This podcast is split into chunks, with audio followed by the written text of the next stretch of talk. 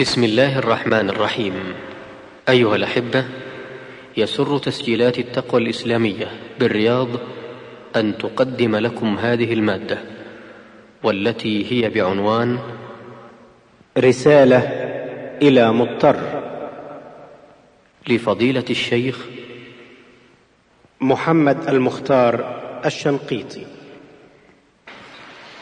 بسم الله الرحمن الرحيم. الحمد لله مفرج الهموم الحمد لله مبدد الأحزان والأشجان والغموم وأشهد أن لا إله إلا الله وحده لا شريك له ملاذ الهاربين وعدة الصابرين وسلوان المصابين وأشهد أن سيدنا ونبينا محمدا عبده ورسوله الأمين. قدوه الصابرين وإمام المحتسبين صلى الله عليه وعلى آله الطيبين الطاهرين وصحابته والتابعين ومن سار على نهجهم المبارك واستن بسنتهم إلى يوم الدين. السلام عليكم ورحمة الله وبركاته. أما بعد سلام على كل مؤمن مهموم. سلام على كل مؤمن مبتلى مغموم. سلام على كل مؤمن مبتلى ضرير. سلام على كل مؤمن مجروح أو كسير. سلام على أولئك الذين فجعوا بأهليهم. سلام على أولئك الذين فجعوا بأحبتهم وذويهم. سلام على من فارق الآباء والأمهات. سلام على من ودع الخلان والأصحاب والأخوات. سلام على من فجع بالأبناء والبنات.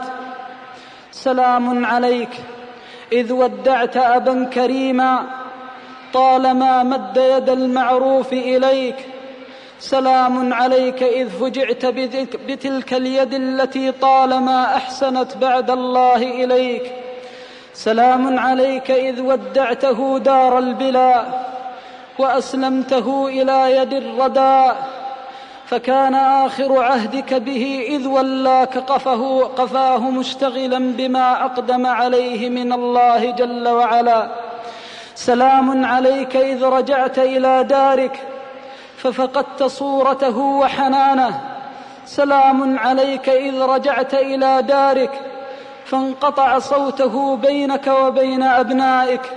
سلام عليك إذ ودعت اما حنونا طالما أسدت يد المعروف إليك. سلام عليك إذ فجعت بها وقد كان ثديها لك سقاء وبطنها لك وعاء. وحجرها لك حواء أسلمتها إلى يد الردى والبلا. وما وفيت شيئا من معروفها عليك. أسلمتها إلى دار البلا. وما أديت حقوقها من البر عليك. سلام عليك إذ ودعت الأصحاب والأحباب. وخلفوك في هذه الدنيا وحيدا فريدا مع الذكريات. سلام عليك إذ فجعت بهم وعظم مصابك بهم. سلام على كل مؤمن مهموم مغموم. طريح البلا طريح الأذى. سلام على من نزل به البلاء في نفسه. سلام على من نزل به البلاء فعظم عليه البلاء. سلام على من بات طريح الأسرة البيضاء. سلام على كل مؤمن فجع بالأعضاء. سلام على كل مؤمن ذي عين عميت أو عورت. سلام على كل مؤمن ذي يد قطعت أو شلت. سلام على كل مؤمن ذي قدم بترت أو حسمت. سلام على أهل البلايا من عباد الله المؤمنين. عظم الله أجركم. عظم الله أجركم. وجبر الله كسركم وعوضكم خيري الدنيا والآخرة عما فقدتم فمن لكم غير الله يجبر كسركم ومن لكم غير الله يبدد أشجانكم وأحزانكم ومن لكم غير الله يؤنسكم من الوحشة ويعيد عنكم ويعيد إليكم ما فقدتم من النعمة من لكم غير الله إذا دفعتم عن الأبواب إلا بابه ومن لكم غير الله؟ إذا صرفتم وخاب الرجاء في من سواه إلا رجاءه من لكم غير الله؟ أعز مطلوب وأشرف مرغوب سلام عليكم من الله ورحمات سلام عليكم من الله ورضوان ومغفرات عدد ما سكبتم من العبرات. ولفظتم من الآهات والعنات والصيحات. أحبتي في الله إنها الدار. وأي الدار؟ دار الدنيا والدناءة.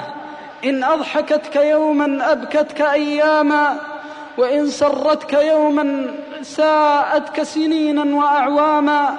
هي الدار التي جعل الله عز وجل شرورها.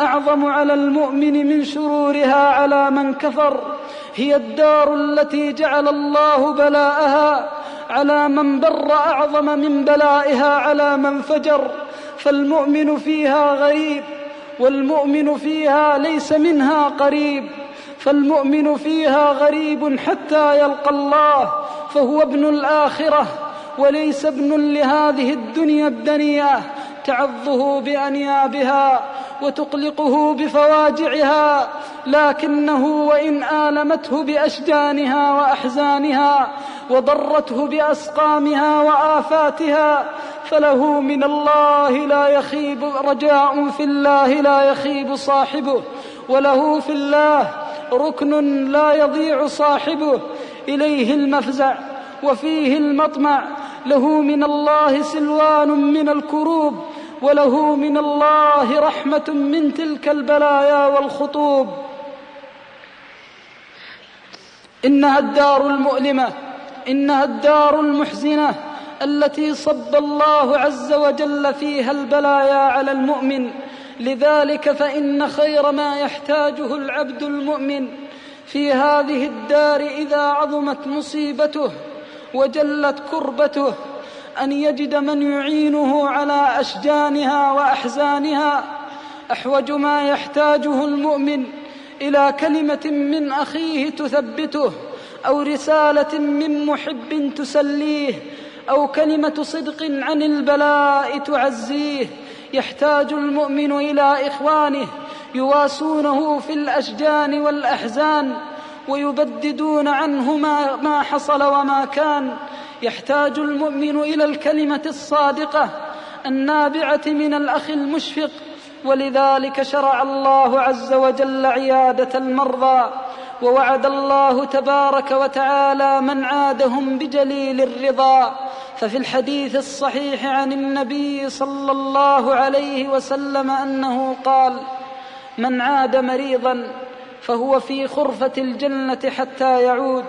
من خرج لوجه الله عز وجل إلى أخ يواسيه في مرضه أو يسليه من بلائه فخطواته في سبيل الله ولحظاته وأنفاسه في طاعة الله ومرضاة الله.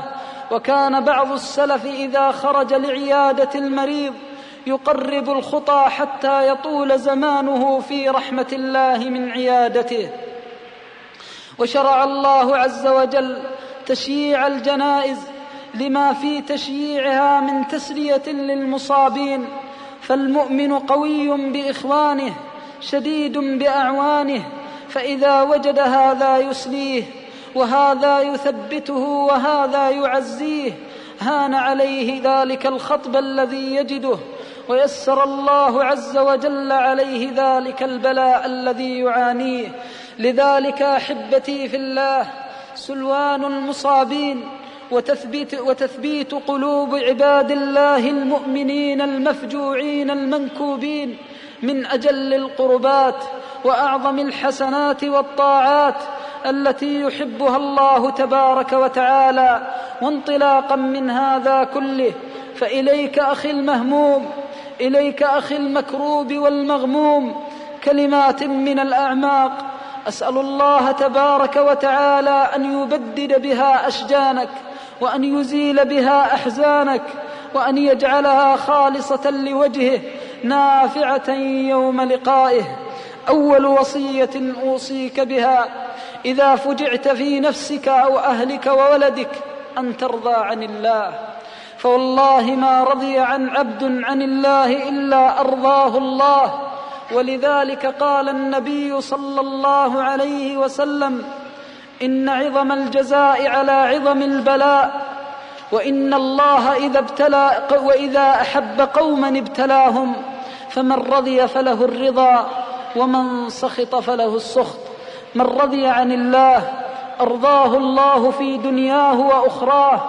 وكتب عمر بن الخطاب رضي الله عنه إلى أبي موسى الأشعري رضي الله عنه يوصيه ويذكر له تلك الوصية النافعة فاستفتح كتابه رضي الله عنه بقوله أما بعد فاعلم أن, خي أن الخير كله في الرضا عن الله أن الخير كله أن ترضى عن الله. اعلم أخي في الله أنه إذا أصابك البلاء فرضيت عن الله أرضاك الله في الدنيا والآخرة وأقر الله عينك وأثلج صدرك فكم من مصيبة عادت نعمة على العبد إذا رضي عن الله تبارك وتعالى فكم من بلايا رضي أصحابها زادتهم من الله قربا ومن الله رضا وحبا أول وصية أن ترضى عن الله تبارك وتعالى ولهذا الرضا دلائل. أولها طيب الكلام وحسن الظن بالله تبارك وتعالى. ومن ثم قال العلماء إن العبد إذا رضي عن الله وهبه اليقين في مصيبته. قال عبد الله بن عباس رضي الله عنهما في تفسير قوله تعالى ما أصاب من مصيبة إلا بإذن الله ومن يؤمن بالله يهد قلبه قال رضي الله عنه يهدي قلبه أن يجعل له أن يؤمن أن يؤمن أن يهبه اليقين فيعلم أن ما أصابه لم يكن ليخطئه وأن ما أخطأه لم يكن ليصيبه. فإذا كان الإنسان راضيا عن الله تبارك وتعالى وعنده الإيمان واليقين الذي ربى النبي صلى الله عليه, عليه وسلم أصحابه ثبت الله جنانه ولذلك كان بعض السلف إذا أصيب بالمصيبة أظهر الرضا لله قام أحدهم بين أناس فجالت يده فقطعت فضحك. قالوا سبحان الله تصاب في يدك فتضحك. قال إني ذكرت ثوابي عند الله عز وجل فضحكت. وصار, وصار الفضيل رضي الله عنه في جنازة ابنه. فلما اشتد ذلك فلما سار معهم تبسم رحمه الله. قالوا لم تبسمت رحمك الله؟ قال احتسبت مصيبتي عند الله فذكرت ما لي عند الله فسلوت وضحكت. فكلما كان اليقين في قلب العبد كلما وجدته أثبت جنانا وأشرح لله عز وجل صدرا. والله ما رضي عبد عن الله إلا جعل له من كل هم فرجا ومن كل ضيق مخرجا فإذا حصل الرضا فإن بعد الرضا أمر مهم لا بد من وجوده وهو علمك بأنه لا يدفع البلاء إلا الله وأنه لا يدفع هذا العناء الذي تجده إلا الله.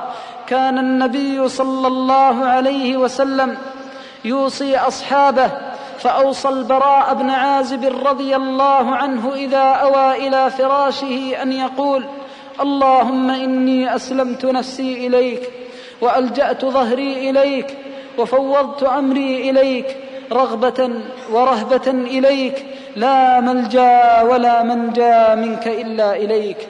أول ما يحس الإنسان بالبلاء إذا أراد أن يفرج الله كربه وهمه أن يحس من أعماق قلبه أنه لا ينجيه أحد من هذا البلاء إلا الله عز وجل. هذا نبي الله إبراهيم عليه الصلاة والسلام.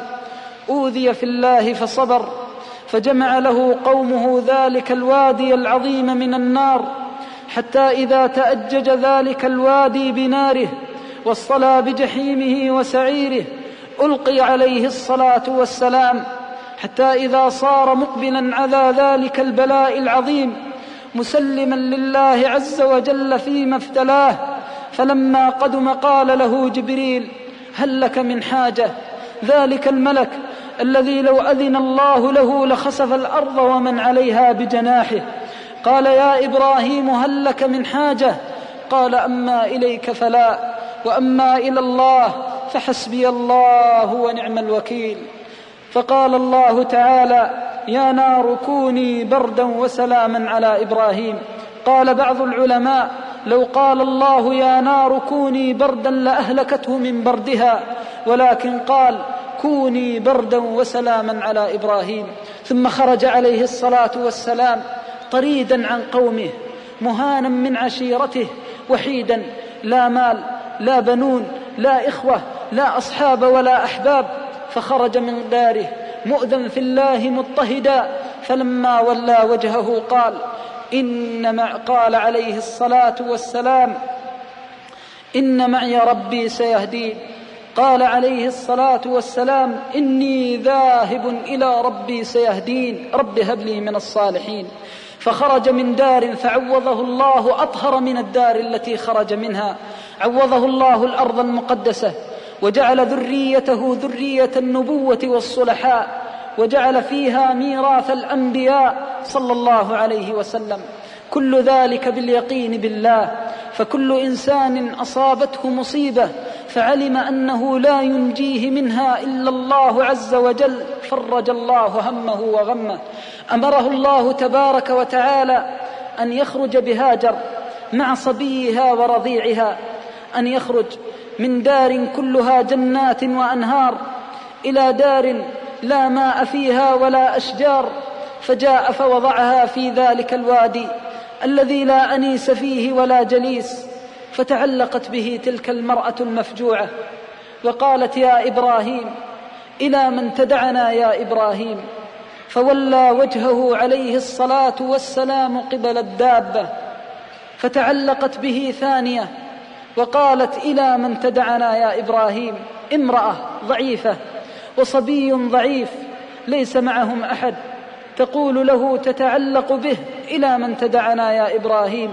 فلما كانت المرة الثالثة تعلقت به وألحت فقالت إلى من تدعنا يا إبراهيم فقال لله فقالت اذا لا يضيعنا الله ورجعت إلى صبيها وقلبها كله يقين بالله تبارك وتعالى فتولى عليه الصلاة والسلام حتى إذا نزل في الوادي وتغيب عن نظرها رفع كفه إلى الله فقال رب إني أسكنت من ذريتي بواد غير ذي زرع عند بيتك المحرم.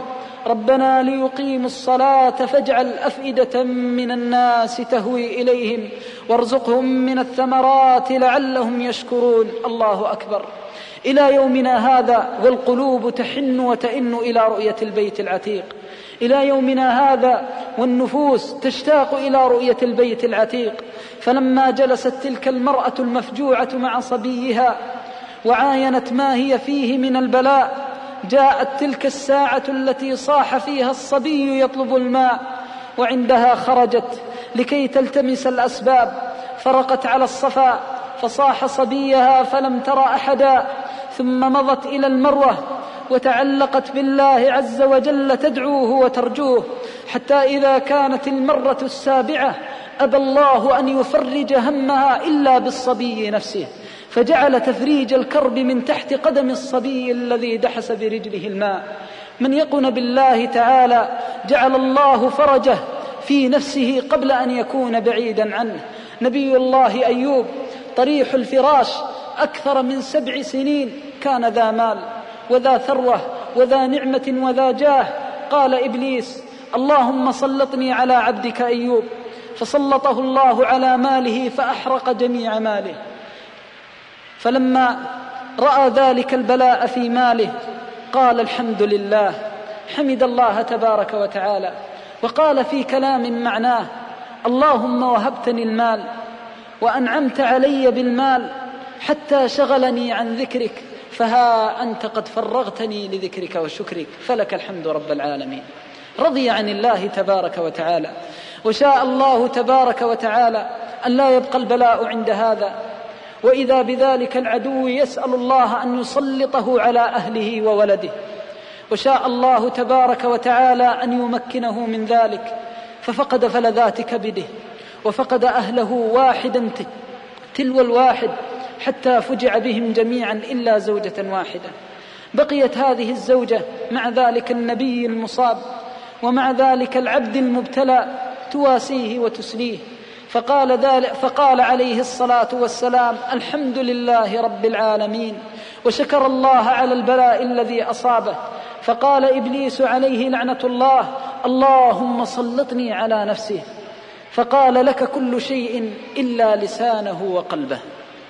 فبقي عليه الصلاة والسلام لا يمكن أن يفتر له لسان عن ذكر الله تبارك وتعالى ولا يمكن أن يفتر له جنان عن حسن الظن بالله تبارك وتعالى.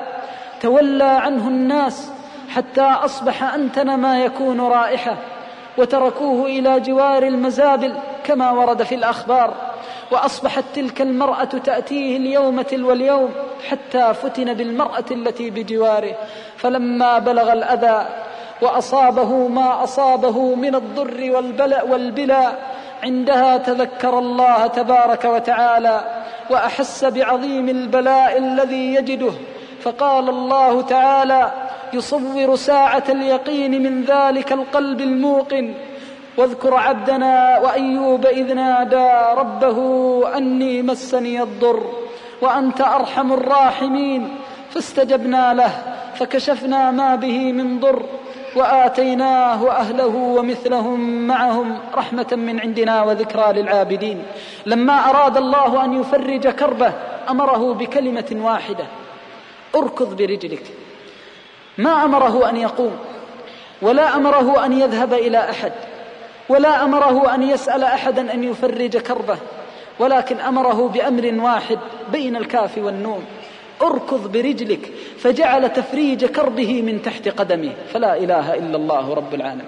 في طرفة عين تفجرت العين ثم اغتسل منها فما بقي به مرض في جسده وما بقيت به آهة في بدنه فقام عليه الصلاة والسلام قويا سويا من لحظته وساعته. الله أكبر. ما يقن أحد بالله فخاب في يقينه ولا رجي أحد الله عز وجل فخاب في رجائه. ثم أعاد الله تبارك وتعالى عليه أهله وذريته. قال عبد الله بن عباس أعاد إليه الأهل والذرية بأعيانهم. فرد عليه الزوجات ورد عليه الأبناء والبنات ثم رد عليه أضعاف ما كان فيه من النعمة. ولذلك قال بعض العلماء ما أصاب الكرب والخطب عبدا فضرع إلى الله تبارك وتعالى إلا أعطاه تفريج الكرب ومع تفريج الكرب زيادة فضل من الله. ولذلك تجد بعض الناس يفجع بأهله يفجع بولده يعوضه الله حلاوة إيمان تبقى معه إلى لقاء الله عز وجل. أصيب رجل بولده وكان ذلك الرجل من أفجر خلق الله والعياذ بالله. تاركا للصلاة منتهكا للحدود والمحارم أقسى ما يكون قلبا والعياذ بالله. فشاء الله في يوم من الأيام بعد صلاة العشاء جاءه ابنه يضحك ويسلو. وشاء الله تبارك وتعالى أن يودعه ذلك الابن فتكون آخر عهده بذلك الابن.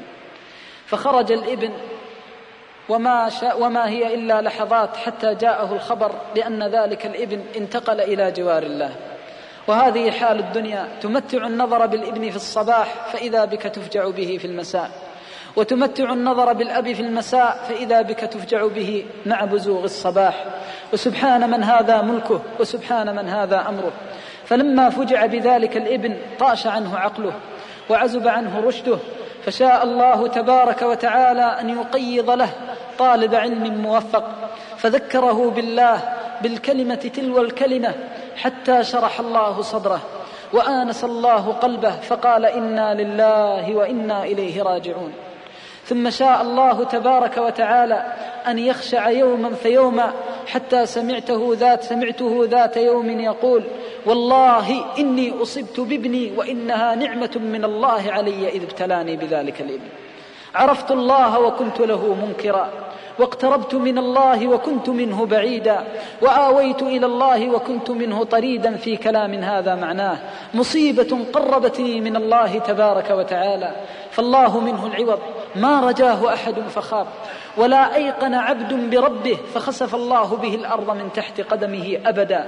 ولذلك قال بعض العلماء إذا أراد الله أن يجمع للعبد بين المصيبتين ابتلاه وسلبه اليقين فيه والعياذ بالله.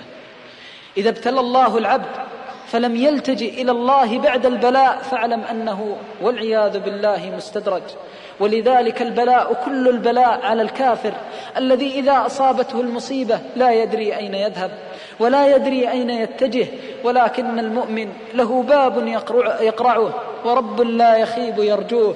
فلذلك أحبتي في الله كان من لوازم البلاء اليقين في الله عز وجل. أصيب بعض السلف بمصيبة وعظمت عليه هذه المصيبة وكانت آفة في جسده. وما زال يعرض نفسه على الناس رجلا بعد الرجل حتى يئس من علاج هذا الداء. وقنط أن يشفى من ذلك البلاء. فدخل يوما من الأيام فإذا رجل يتلو كتاب الله فسمعه يتلو قول الله عز وجل امن يجيب المضطر اذا دعاه فقال اللهم إني مضطر وأنت المجيب فما قام من ساعته إلا وهو معافى.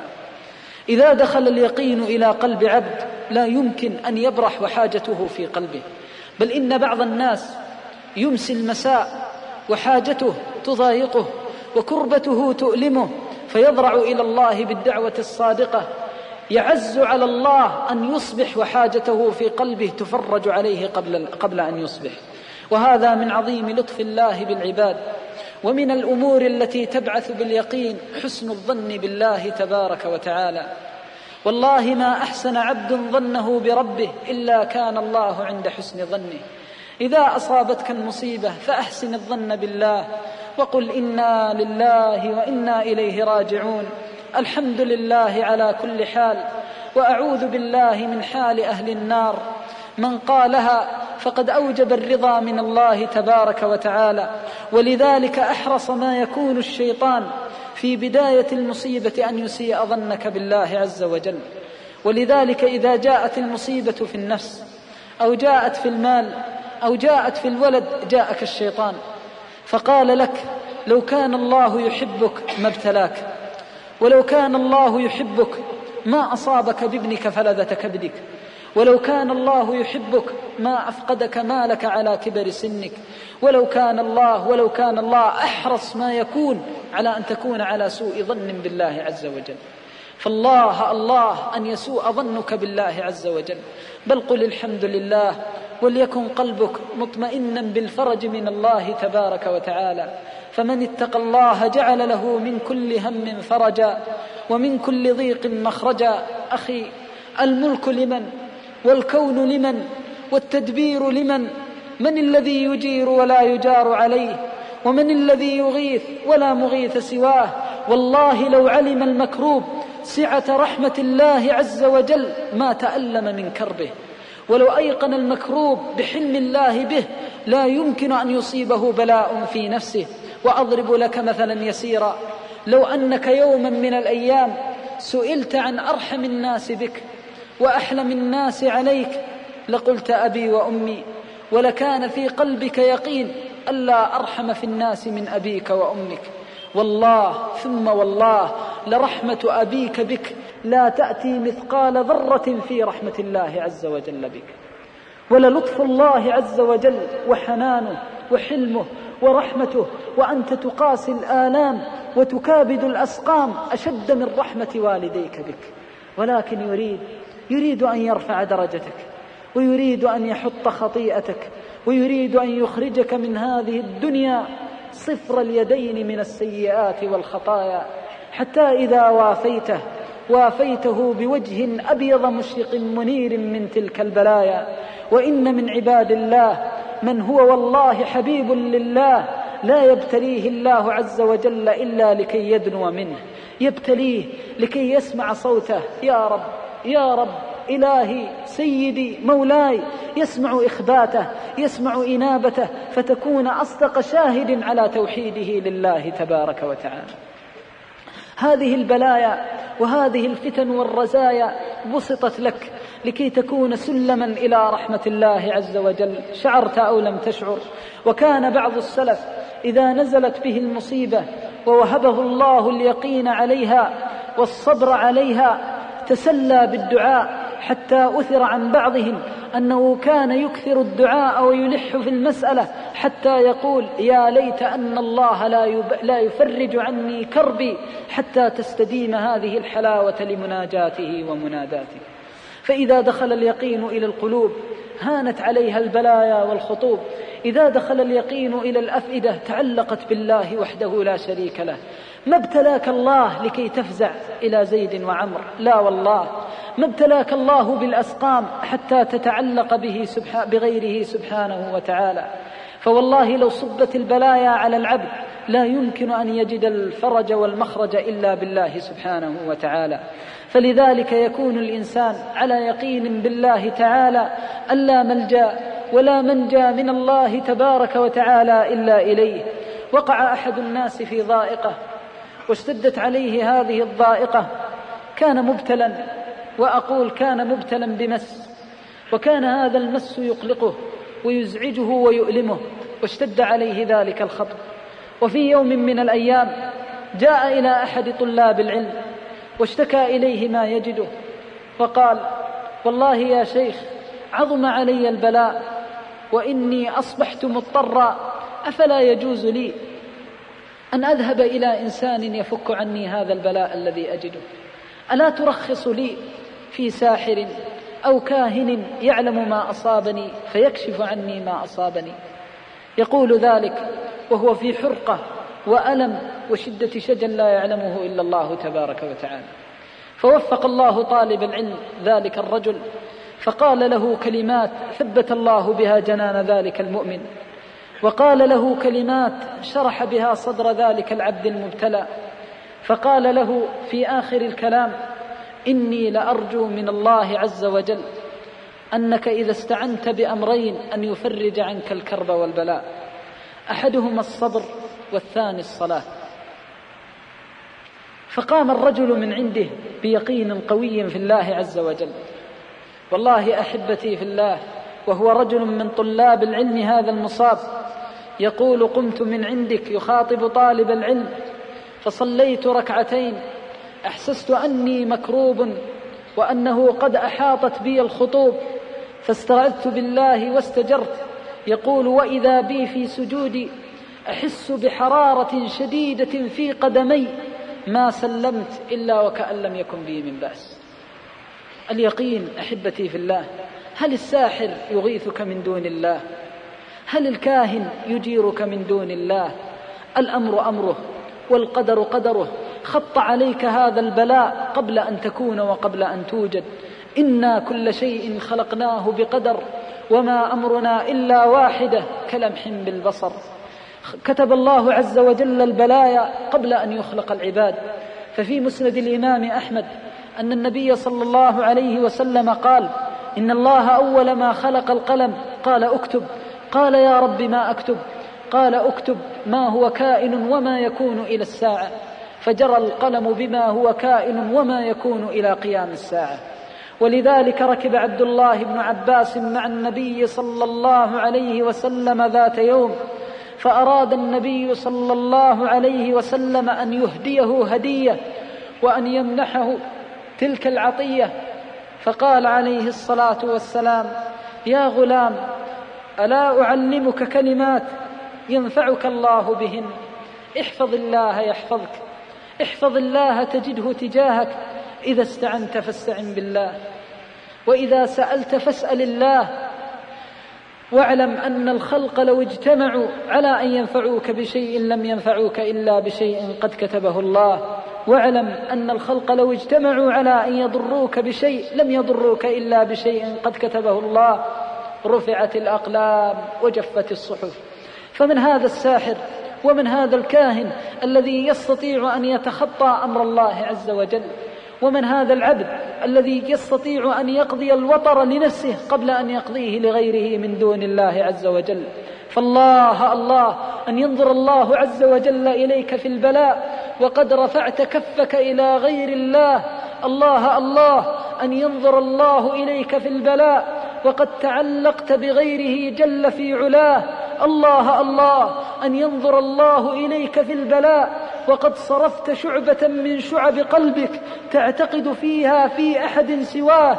الله الله أن ينظر الله إليك في البلاء. وقد تعلقت بغيره وعذت بأحد سواه فوالله إن وليت عن الله خسف الله الأرض من تحت قدمك وكم من أقوام استعاذوا واستجاروا بغير الله ففرج الله عنهم الكربات امتحانا واختبارا واستدرجهم منه منه علما وحكمة واقتدارا ثم ابتلاهم بالبلاء الذي هو نهايتهم من حيث لا يحتسبون. ذكروا عن رجل أنه كان يقرب ساحرا وكان يثق في هذا الساحر ثقة عمياء فكان هذا الساحر بزعم ذلك المبتلى يفرج همه وينفس كربه والله يستدرجه اليوم تلو اليوم حتى قوي اعتقاد ذلك الرجل في ذلك الساحر والعياذ بالله. وقوي اعتقاده في ذلك الكاهن من دون الله نسأل الله السلامة والعافية. فشاء الله عز وجل لما عظم يقين هذا العبد أن يسلط عليه الساحر فيؤذيه والعياذ بالله بسحره. فلذلك أحبتي في الله من وثق بالله وأيقن بالله تبارك وتعالى أحس في قرارة قلبه ألا ملجأ ولا منجأ من الله إلا إلى الله. إن فقدت الأموال فإنك لم تفقد ربها وإن أفقدت فقدت الأبناء والبنات فإنك لم تفقد من أوجدها ومن خلقها. وإن فقدت الآباء والأمهات فإنك لم تفقد من جبل قلوبهم على الحنان فأحسنوا إليك ووهبوا يد المعروف إليك فالله الله أن يخيب ظنك في رجائه أو أن تكون من عباده الذين ظل سعيهم بالرجاء في غيره.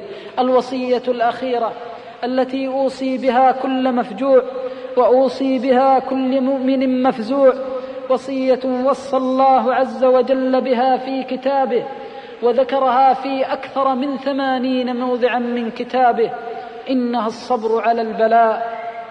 قال الله تعالى يوصي نبيه واصبر وما صبرك إلا بالله وقال لعباده المؤمنين يا أيها الذين آمنوا اصبروا وصابروا ورابطوا واتقوا الله لعلكم تفلحون وقال مخاطبا وقال مثنيا على نبيه أيوب إنا وجدناه صابرا. نعم العبد الله أكبر إنا وجدناه صابرا.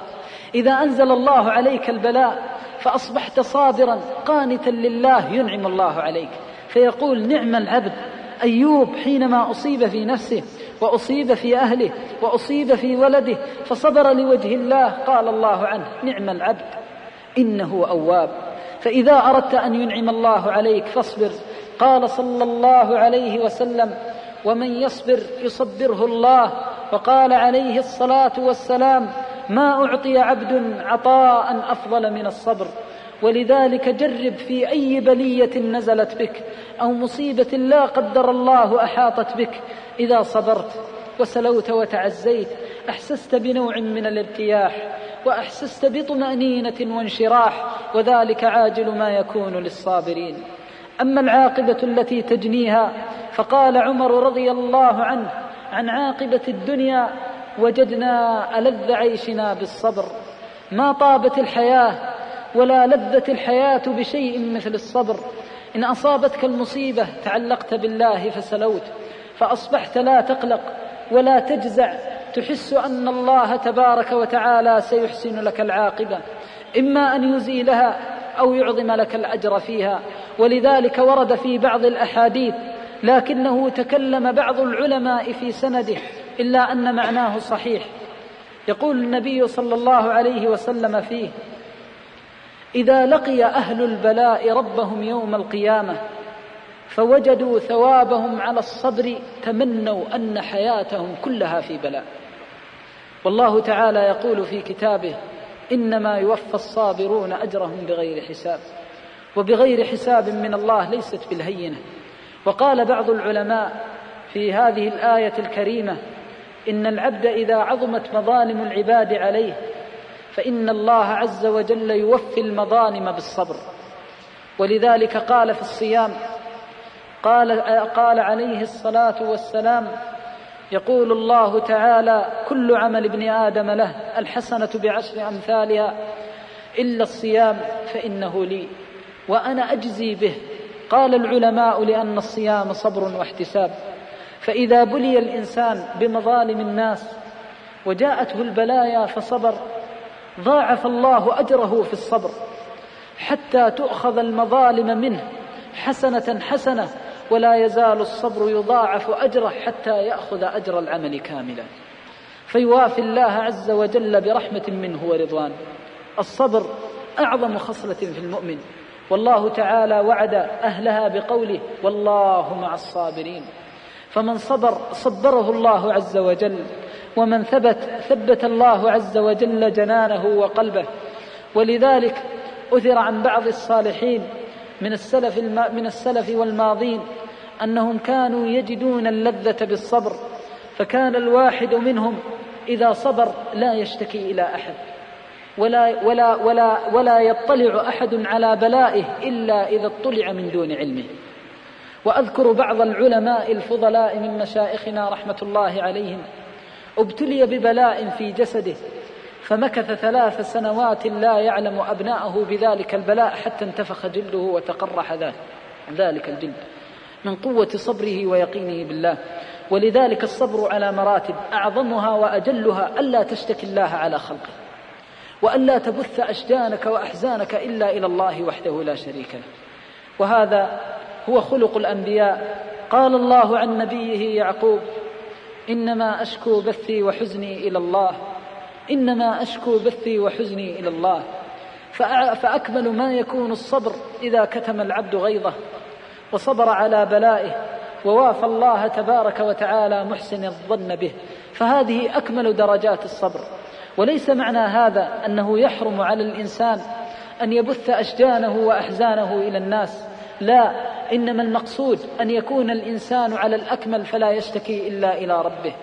ولا يعول في تفريج كربه إلا على خالقه. ولذلك ذكر ولذلك جعل الله تبارك وتعالى ثمرات الصابرين خيرا.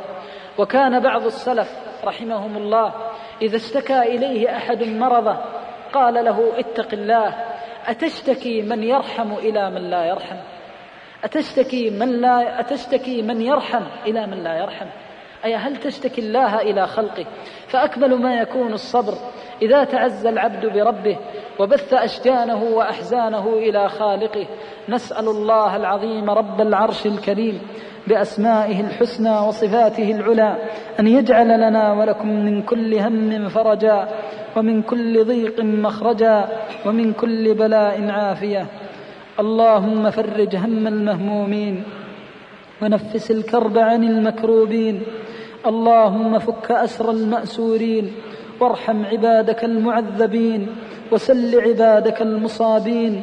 اللهم إنا نسألك يقينا تهون به علينا مصائب الدنيا اللهم إنا نسألك الرضا بعد القضاء وبرد العيش بعد الموت ولذة النظر إلى وجهك الكريم. لا إله إلا أنت سبحانك إنا كنا من الظالمين. وصلى الله وسلم وبارك على نبيه وآله وصحبه. بسم الله الرحمن الرحيم. يقول السائل فضيلة الشيخ ما حكم من أعرض عن التداوي ولم يطلب الدواء بحجة أن المرض مأجور عليه وأنه لا يلجأ إلا إلى الله سبحانه وتعالى؟ بسم الله الحمد لله والصلاة والسلام على رسول الله وعلى آله وصحبه ومن والاه. أما بعد فتسأل أخي في الله عن رجل يزعم أنه لا يتداوى لأن الله تبارك وتعالى يدفع عنه ذلك البلاء وذلك الداء. هذا الظن خاطئ مخالف لكتاب الله وسنة رسول الله صلى الله عليه وسلم. أما كتاب الله فإن الله لما أمر أيوب أن يركض برجله دل ذلك على الأخذ بالأسباب في العلاج. وكان بالإمكان أن يقول الله قد شفيتك يا أيوب. ولكن أمره أن يركض برجله حتى يعلم العباد سنة الله في الكون أن للداء دواء وأن للبلاء شفاء وكذلك ثبتت السنة الصحيحة عن النبي صلى الله عليه وسلم فإنه جاءه قوم من الأعراب كما روى الترمذي وغيره في السنن فقالوا يا رسول الله أنتداوى؟ فقال عليه الصلاة والسلام تداووا عباد الله فإن الله فإن الذي أنزل الداء أنزل الدواء. وقال عليه الصلاة والسلام إن الله أنزل لكل داء دواء علمه من علمه وجهله من جهله. أو كما قال عليه الصلاة والسلام ولذلك كان النبي صلى الله عليه وسلم إمام المتوكلين وقدوة الصابرين وأسوة المحتسبين وكان يأخذ بالدواء وكان يتداوى. كانت أم المؤمنين عائشة رضي الله عنها ذات طب ومعرفة بالطب. فقال لها عروة ذات يوم يا أماه أما علمك بالكتاب والسنة فذلك ليس بغريب. وأما علمك بأشعار العرب فليس بغريب. ولكن الطب من أين أخذتيه؟ فقالت له إن رسول الله صلى الله عليه وسلم مرض فجاءه فجاءه الحكماء فأخذوا يصفون له الدواء فمن ثم يعني تعلمت الطب بوصفهم. فدل هذا على مشروعية الأخذ بالأسباب. ولم يمنع النبي صلى الله عليه وسلم من الطب بل قال بعض العلماء إن الإنسان إذا تداوى كان ذلك من الإيمان بالله. وقالوا إن التداوي يعين على الإيمان بالله لأنك إذا أخذت شجرة مثلا كانت دواء لمرض فشربتها فزال عنك السقم قلت لا إله إلا الله سبحان من جعل شفاء دائي في هذه الشجرة. ولذلك جعل الله عز وجل شفاء الأسقام في الأعشاب وجعلها في غيرها من الأدواء كل ذلك لكي يكون حكمة وعلما للعباد وبصيرة. فمن أنكر الداء فإنه مخالف للسنة مخالف لهدي نبي الأمة صلوات الله وسلامه عليه. وهذا هو التأكل المذموم. وإنما ينبغي للإنسان أن يأخذ بالسبب وأن يتوكل على الله عز وجل.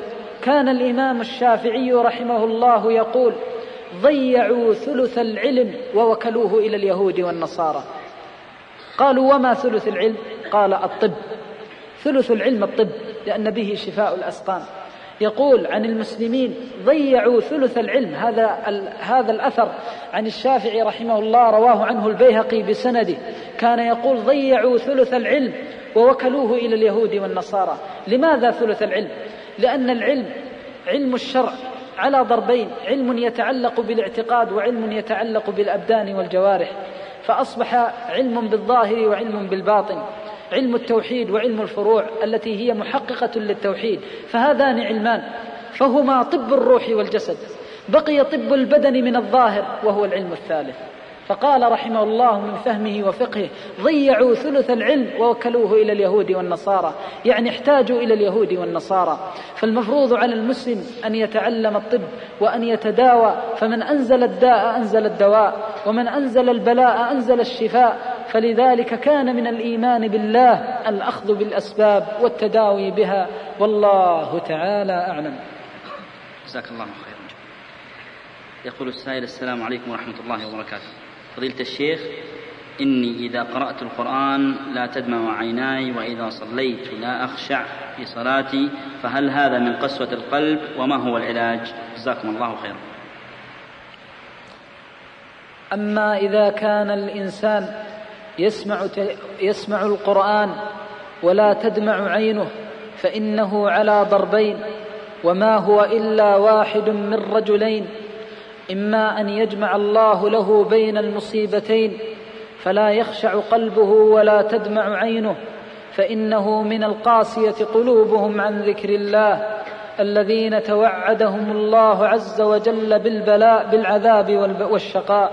فقال سبحانه فويل للقاسية قلوبهم من ذكر الله أولئك في ضلال مبين. وأما إذا كان الإنسان لا تدمع عينه ولكن قلبه يخشع ويجد للآيات أثرا فيذل لله عز وجل ويخضع. فما عليك إذا خشع قلبك ألا تدمع عينك. فإن الله تبارك وتعالى إذا أعطى العبد خشوع القلب فقد أعطاه الخير كله. ولذلك بين الله تعالى بقوله كتاب أنزلناه إليك مبارك ليدبروا آياته. وليتذكر أولو الألباب فالمقصود من القرآن أن تتدبره وأن تتامله وأن تتأثر بتلك الآيات التي تتلى عليك وتقرأ بين يديك فإذا وجدت في هذه لهذه الآيات اثرا في قلبك فذلك هو المقصود. فإن دمعت عينك ففضل على فضل وإن لم تدمع عينك فالمهم خشوع القلب. ودمعة العين فضل من الرب. من أعطاه أعطاه لحكمة ومن منعه منعه لحكمة. ونسأل الله العظيم أن يجعلنا من صاحب الفضلين. ولكن لعلك أن تتألم فتقول لماذا لم يجمع الله لي بين الخشوعين خشوع القلب وخشوع العين؟ فأقول لك ارضى عن قسمة الله. فلعل الله علم أن لو خشعت عينك فدمعت أن يصيبك الغرور. ولعل الله علم أنه إذا دمعت عينك أن تصبح مرائيا في عبادتك فتخرج صفر اليدين من صلاتك وقراءتك. فلطف الله عز وجل بك من حيث تشعر أو لا تشعر. فارض عن الله فيما قسم. واسأل الله عز وجل الفضلين والإخلاص في كلا الحسنيين. والله تعالى أعلم. يقول السائل فضيلة الشيخ أثابك الله كيف نوفق بين بين أن ابتلاء المؤمنين سنة من سنن الله وأن المؤمن وأن المؤمنين لهم السعادة في الدنيا والآخرة. كيف يقول كيف نوفق بين أن ابتلاء المؤمنين سنة من سنن الله وأن المؤمنين لهم السعادة في الدنيا والآخرة السعادة ليست في الصور والأشكال. السعادة ليست في المناظر وليست في زهرة الحياة الدنيا. السعادة سعادة القلب. ولله در الشاعر إذ يقول ولم أرى السعادة جمع مال ولكن التقي هو السعيد.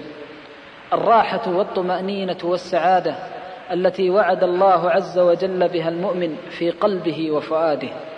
ولذلك تجد الإنسان فقيرا مدقعا لا طعام عنده ولا شراب ولا كساء. وتقول له كيف حالك؟ يقول لك الحمد لله في نعمة وفضل من الله. وتجد الرجل طريح الفراش مشلول اليدين مشلول القدمين أعمى أصم. لو أعمى وتخاطبه فيسمعك وتقول له كيف حالك؟ يقول لك الحمد لله. والله إن أحد الشباب من الأخيار أصيب منذ عهد قريب فأصبح والعياذ بالله مشلولا لا يتحرك.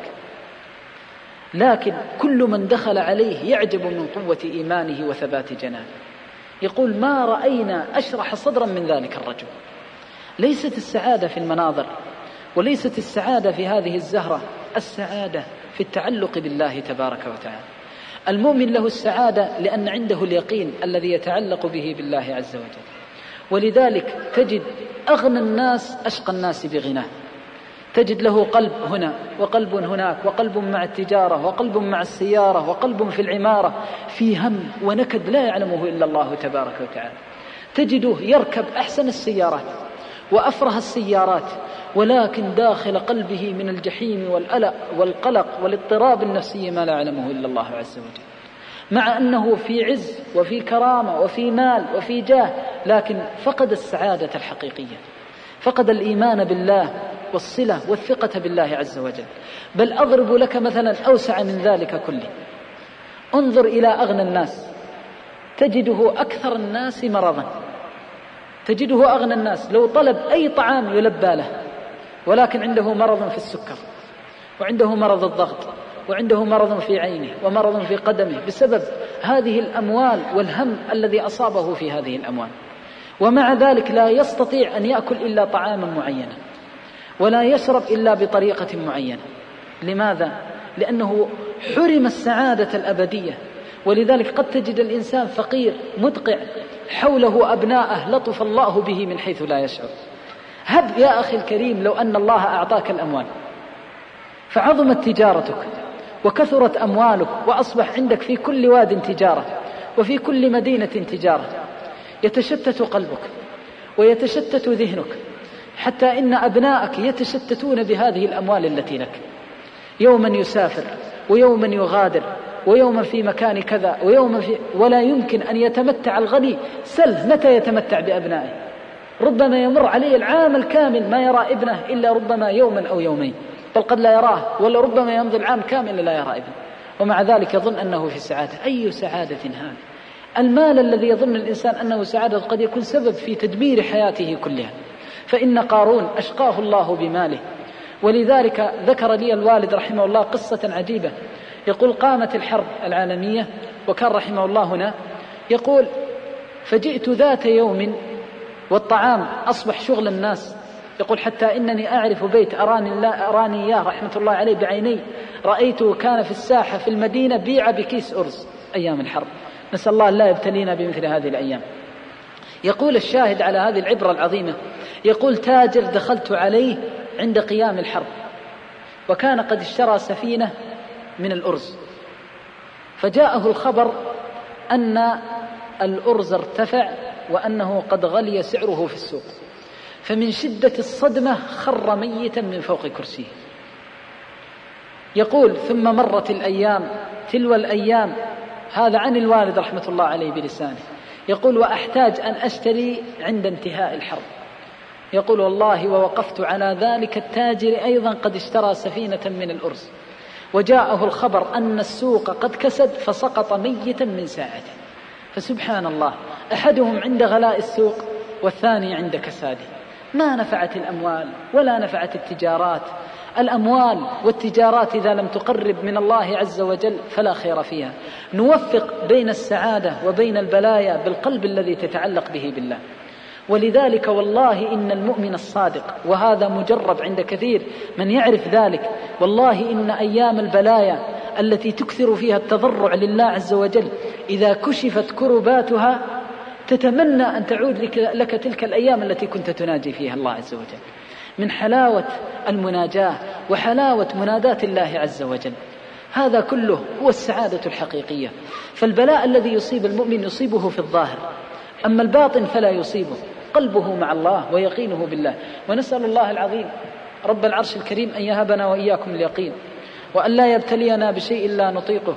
وأن يجعل بلاءنا وإياكم في السراء. والشكر عليها وأن يجعلنا من الشاكرين. والله تعالى أعلم.